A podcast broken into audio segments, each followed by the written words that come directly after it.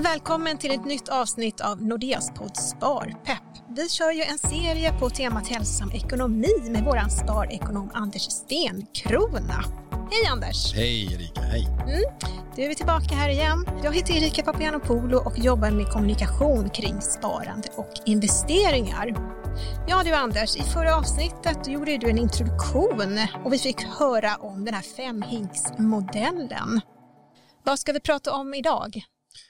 Ja, precis. Så att förra gången så med en introduktion och hur man sätter igång med att spara sina pengar. Alltså vi säger som att vrida på kranen, alltså spendera mindre än du tjänar så att du börjar bygga en egen förmögenhet. Och nu när du så att säga får pengar in till dig själv så ska vi gå igenom hink för hink hur du fyller, om du tänker som ett vattenfall, man fyller första hinken tills den är full och så rinner det över till nästa hink tills den är full och så vidare till hink nummer fem. Och idag ska vi prata om första hinken, vilket är att skaffa sig en akut buffert eller akut kassa. Pengar man ska använda, ska ha ifall det händer någonting oväntat. Ja, men precis. Och även lite hur man hanterar räkningar och övriga utgifter. Precis, så att vi har ju, till vardags så kommer det ju olika saker. Vissa är oförutsedda och då måste du ha liksom en liten buffert för det. Och vissa är ju helt förutsägbara. Du vet att du får den här räkningen en gång om året eller att det blir jul och sådana saker. Och där ska vi också kunna parera så det inte blir överbelastning på ekonomin när de sakerna händer. Mm, ja men precis, och vi kan väl också säga det här att eh, vi har en webbinarieserie på samma teman. Och eh, anmälan och inspelningar finns på nordea.se webbinarier. Så där yes. kan vi även se dig eh, live. Världens bästa webbinarieserie. Där kan ni gå igenom hink för hink hur man gör praktiska tips för att få ekonomin i ordning. Ja, så det är bra. Man kan både lyssna på dig i den här podden Sparpepp och man kan se dig i våra webbinarier som man hittar på nordea.se webbinarier. Men du Anders, eh, om vi börjar lite grann, vad är egentligen syftet med att ha en sån här akut buffert? Ja, det här är alltså en akut kassa. Den ska kunna täcka oförutsedda utgifter. Och det kan handla om allting från när någonting går sönder eller behöver lagas. Och det här ska du kunna göra och betala för utan att det belastar din ekonomiska framtid.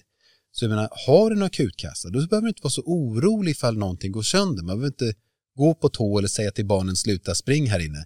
För det är ungefär som att ha en försäkring, en extra försäkring på, på det du äger. Och det, det är rätt skönt. Det reducerar stressen i din vardag. Liksom. Det gillar man ju. Ja, det gillar man. Mm, man vill inte stressa. Men du, rent konkret då, hur mycket behöver man ha i en akutkassa? Ja, så vi brukar säga, säg 10 till 30 000 kronor. Men det här beror ju mycket på hur stort behov du har. Så att, vad jag säger är så här, se dig om i ditt hem och så frågar du dig själv, hur många av de saker jag tittar på kan gå sönder? Okej, okay, det kan i stort sett vara allt. Om något går sönder, vad kostar det mig? Mm. Så får man en känsla för, är det dyra saker eller är det inte dyra saker? Och hur vanligt är det att någonting går sönder i mitt hem? Så får man en känsla för hur ofta skulle jag behöva göra liksom använda min akutkassa och hur mycket behöver det vara där. Och vi, när vi har frågat folk och diskuterat det här med andra människor så har vi kommit fram till att ungefär 10 till 30 000 kronor verkar räcka för det mesta för de flesta. Du lyssnar på Nordeas podd Sparpepp.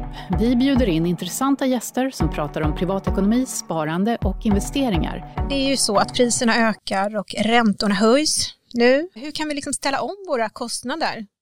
Mm, det här är en väldigt bra poäng. Och det är så att vi, vi har säkert lärt oss leva med en viss budget där vi känner att här med så här mycket pengar så kan jag i lön så kan jag ha råd med så här många saker. Och då har vi säkert fått klart för oss att mina räkningar kostar så mycket och så har, finns det pengar över till de här sakerna. Nu ritas ju kartan om lite grann. Elpriserna går upp, bensinpriserna går upp, eh, räntan går upp, matpriser går upp. Plötsligt så behöver vi liksom ratta om så att om vi om vi tyckte ekonomin var ansträngd förut så kommer den bli ännu mer ansträngd framöver. Då blir det svårare att spara pengar till en sån här typ av, för det första, en akutkassa. Om man har våra fem hinkar på plats, då kan man liksom, då kan man liksom ta en sån här prishöjning lite grann som man tar en stötdämpning med knäna om man cyklar. Man kan, man kan ta det och, mellan, och landa ganska skönt ändå. Det blir ansträngande, men man kan ta det. Om man inte har det, då måste man verkligen börja se över hur man ska ratta om sin budget. Och det här var lite grann vi pratade om förra gången, att man kan titta på, man har som två rattar, man kan antingen höja, eh, eller så här, minska sina kostnader eller öka sina intäkter. Så det går liksom att verkligen bli kreativ där och säga, kan jag förbruka elen på ett mer effektivt sätt? Kan jag handla in min mat på ett mer effektivt sätt? Eh, kanske jag kan förhandla min ränta eller sådana saker. Det, det, finns ju saker man kan göra där. Kan jag köpa begagnat för att minska mina, mina kostnader? Och, och, andra, andra grejen att öka mina inkomster, det kanske finns sätt att göra det på. Det kanske har saker som ligger på vinden eller förrådet eller i källaren som går att sälja. Det kanske går att hyra ut en borr eller en, en bil som du har någonting på, på någon sajt så, så, att man kan få in någon intäkt där. Det, det, det kan ofta innebära en ansträngning att få in mer pengar. Men det kan absolut vara värt i en pressad situation för att liksom komma ikapp sig själv. Eh, det kan till och med vara så att man hyr ut huset när man är på semester. Sånt, sånt har vi testat. Det funkar alldeles utmärkt. Det var jättebra. Men det, man får tänka till lite med vad kan jag sälja, vad kan jag hyra ut, vad kan jag göra för att få in, kanske till och med gå upp i tid ifall man jobbar deltid eller att båda parter i ett, ett förhållande jobbar mer. Det, det går ofta att hitta någon kreativ lösning för att komma ikapp och få en budget som matchar de ökade kostnaderna. Men det låter som man får vara lite kreativ helt enkelt. Mm. Men du Anders, vad är vi villiga att spara in på? För det går ju att spara in på saker. Vad säger de undersökningarna som har gjorts? Det här är jätteintressant. Ingela Gabrielsson, vår kollega, eh, privatekonom, hon, hon gjorde en undersökning här. Alltså, frågan var, vad, vad, skulle du vara beredd på att spara in på? Precis som du säger där, och då frågades tusen personer. Ungefär hälften var beredda att spara in på saker som shopping eller kläder, restaurang och fika. Sådana som är enkelt att bara säga, om jag, jag kan låta bli det. Det är ingen jätteuppoffring. Eh, så hälften var beredda att göra det. Eh, sen var det ungefär 20-30% som var beredda på att dra ner på semesterresor, olika sorts abonnemang som gymkort och sådana saker och se över elförbrukningen. Så det är kanske lite mer ansträngande. Och sen var det ungefär 10% som var beredda att dra ner på bilresor och sånt där. Och där låg även att, att konsumera mindre ekologiskt. Så det, det, är ganska, det tar emot rätt mycket att, att gå ifrån det ekologiska faktiskt. Eh, och sen det som var minst, folk var minst villiga att dra ner på, det var barnens aktiviteter. Det var en procent som var beredda att, eh, att göra avkall på barnens aktiviteter. Så det, det verkar som att vi vill skydda våra barn från den här ekonomiska verkligheten som träder in här. Det är intressant. Mm, ja, men det är intressant. Och det finns ju många saker man kan göra. Man kan vara lite extra kreativ i dessa dagar. Och jag tänkte faktiskt längre fram i ett separat poddavsnitt prata lite mer om sån här så kallad delningsekonomi. Hur man kan tänka vad det gäller kläder, mat, bilar, cyklar och prylar och så vidare. Intressant. Men det återkommer vi till eh, i ett separat avsnitt. Om det händer något akut som man inte räknat med och man behöver betala en extra summa, kan du inte gå igenom något exempel? Ja, exakt. Det här är precis det akutkassan är till för. Och jag har ju fått användning av vår akutkassa massor med gånger. Eh, om det är så att laga bilen eller vi behövde ett nytt kylskåp här om månaden, då, då hade vi akutkassan. Eh, jag lagade en tand här om veckan, det var akutkassan.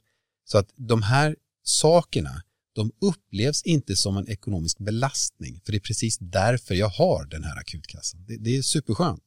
Eh, ett ganska roligt exempel, det var för något år sedan, min son han var lite upprörd när vi åkte bilen och, han behövde hoppa ut ur bilen och säga okej, okay, ut med dig. Eh, och när, jag stannade först. ja, vad bra. och han hoppade ut och var så upprörd så han drämde till med handen på bagageluckan, pang. Och det blev som en djup grop där, precis i formen av en hand. Det var nästan beundransvärt. Så jag, wow. Eh, och det gjorde mig inte upprörd över den materiella skadan jag, jag, var inte det minsta bekymrad över den. För jag visste att det där, exakt de pengarna har jag utan problem. Mm. Så jag kunde liksom ta situationen med ro. Och det gäller ju allting som kan gå sönder. Det finns ju en inbyggd liten oro att oj, tänk om något går sönder nu om barnen håller på. Men allt det är borta tack vare att jag har akutkassan. Det är superskönt. Men eh, om man då har använt den här akutkassan och den hamnar på noll igen, vad gör man då för att fylla på? för det gör den ju. Och då, då är det ju precis det att när man sparar, man vrider på den här kranen som ska fylla din egen förmögenhet. Första hinken att fylla upp är akutkassan. Töms den, då är det första prioritet att fylla den igen. Och då gäller det att man fyller den tillräckligt snabbt eh, så att det inte hinner hända nya saker när den är tom. Eh, så när du har använt kassan då är du ju lite sårbar. Så att, men sparar du 10% av din ekonomi och din inkomst då brukar det gå rätt snabbt att bygga upp en summa som är betydelsefull för din egen ekonomiska situation. Så att spara 10% är fortfarande ett väldigt gott råd. Jag menar, man, när akutkassan används, då fyller du på den det första du gör och så förhoppningsvis pengarna på plats när nästa sak går sönder. Det här är ju besvärligt om man inte sparar regelbundet, men har du en vana att spara 10% av din lön, då tar det inte mer än ett, ja, ett par månader så är du i kapp. Ja, jag tänker om det händer något igen innan jag har fyllt på min akutbuffert. Ja, då, då är det ju jobbigt. Då, då, sitter man ju, då måste man ju hitta pengar någonstans, någon annanstans. Och är det akut, ja då kan det behöva, betyda att man måste helt enkelt ta ett lån. Eh, och i sämsta fall kan det vara att man behöver ta ett dyrt lån med hög ränta med ofördelaktiga villkor.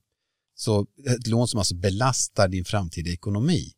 Och då är det ju ännu svårare att fylla på akutkassan när du dessutom behöver ta igen ett kreditlån.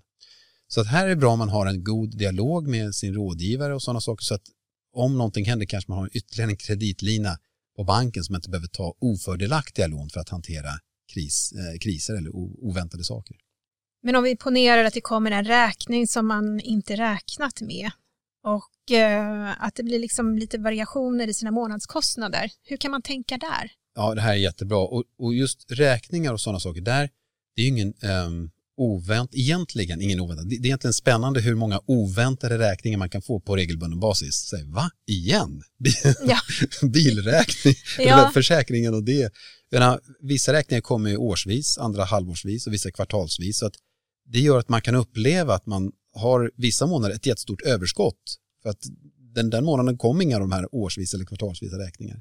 Och så en annan månad är, man, är det jätteont om pengar för att då kom både en årsräkning och en, och en halvårsräkning. Så en god strategi här är att lista ut, man tittar på hur mycket betalar jag i genomsnitt varje månad när jag betalar mina räkningar till exempel. Och så lägger man det så mycket pengar på ett räkningskonto varje månad. Även om räkningshögen är mindre än det beloppet så lägger man undan det. Och, och sen så då, då blir det samma genomsnittliga belopp varje månad och då förhoppningsvis har du de pengarna när du får de här årsräkningarna eller kvartals eller halvårsräkningarna. Och det är också väldigt behagligt att inte bli överraskad av de här tunga räkningarna. Eller om du blir överraskad och då säger åh, men jag har ju pengarna här. Det, det gör en mycket, mycket skönare livsstil. Men ha ett separat räkningskonto ja, helt enkelt. Ett räkningskonto där du regelbundet stoppar in ditt genomsnittliga räkningsbelopp månad efter månad oavsett hur stora räkningarna är eller hur små de är. Och så kommer det här jämna ut sig om du gör matten rätt. Men man kan ju ha en sån här automatisk överföring också varje månad ja. från, från sin lön till exempel. Precis. Och även döpa det där kontot till ja, det där är en bra räkningar idé. eller ja. så att man ser att det blir tydligt. Och, och, det är så att pengar är så pass abstrakt för oss att det är väldigt bra om vi sätter etiketter på pengarna. Eh, finansiell teori säger det ska man inte behöva göra för att vi är rationella människor. Men eftersom vi är känslomänniskor och vi har svårt för abstrakta begrepp så är det lättare för oss att sätta etiketter på det här i mina räkningspengar. Den, det kontot rör jag bara när jag betalar räkningar. Otroligt skönt. Don't touch. Mm. Men du, det blir ju också en hel del extra utgifter, till exempel om man vill åka på semester, snart är det jul. ja, hur kan man tänka då? Ja, det, det, det, är precis samma, sak, samma typ av tänk. Vi, vi, vet ju att det blir jul varje år. Vi sjunger till och med nu är det jul igen. Och det gör vi inte för att vi är förvånade, typ va, är det jul nu igen? Utan vi sjunger nu är det jul igen. För att det, här, det här har vi förväntat oss. Det är samma sak med semester eller sportlov eller födelsedagar. Vi vet när de här inträffar egentligen. Så med lite framförhållning då kan man ju faktiskt bygga upp en liten eh, semesterkassa, julklappskassa och sådana saker så att det inte blir så betungande just då. För jag vet ju hur det känns när man ska försöka komma ikapp sig på en semester eller när det kommer ikapp julklappsinköpen. Plötsligt så ryker det buffrar och det är inte bra. Det är bättre att man har byggt upp en sansad approach till de här högtiderna och, och det är olika förutsägbara högtider. Det är en bra kassa att ha. Och de är, de är inte, där ska inte akutkassan användas. Det är, inte, det är inte oj, nu är det jul, utan vi vet ju det. Där ska vi ha högtidskassan på plats. Lite planering helt enkelt. Lite planering så funkar det mesta. Väldigt bra tips Anders. Du, om du skulle göra en kort sammanfattning av det viktigaste som vi har pratat om idag. Ja, alltså, okej, okay, jag ska försöka. Att, att, ha ordning på sin ekonomi, vilket allt är vi försöker prata om är hälsosam ekonomi. Det handlar om att vara lite förutseende. Så både gällande oväntade saker som, som då man använder akutkassa till eh, och att man dessutom bygger upp ändamålsenliga kassor som kan göra ditt ekonomi, ekonomiska liv så mycket skönare. Så akutkassan det är oväntade utgifter, oförutsedda utgifter. Räkningskontot är bra för att hantera variationen i räkningshögen. Och en högtidskassa så kan du hantera kostnader i samband med till exempel semester och sportlov. Väldigt bra. Då säger jag tack Anders Stenkrona för att du gästade vår podd Sparpepp idag. Tack själv. Och det här var alltså steg ett, skaffa akutbuffert. Och eh, snart kommer vi med ett eh, nytt avsnitt på temat steg två, betala av dyra lån. Och då är det du som gäster igen Anders. Mycket spännande. Det här är det vi betar av på webbinarieserien och att betala av dyra lån och undvika dyra lån. Exakt, precis. Prenumerera gärna på den här podden i din poddapp så får du notis när det kommer nya avsnitt. Och det går bra att eh, skicka en fråga eller någon feedback. Eh, då kan du mejla till sparpepp.nordea.se. Och kolla gärna in Nordeas sociala medier och nordea.se för mer inspiration kring sparande. Och som sagt, vill du se våra webbinarier med Anders Stenkrona så hittar du dem på nordea.se webbinarier. Och där finns det även fler intressanta webbinarier med till exempel vår kollega Ingela Gabrielsson som är privatekonom här i Nordea. Så då säger vi väl tack och eh, vi hörs snart igen. Tack så mycket. Du har lyssnat på Nordeas podd Sparpepp. Podden för dig som vill lära dig mer om privatekonomi, sparande och investeringar.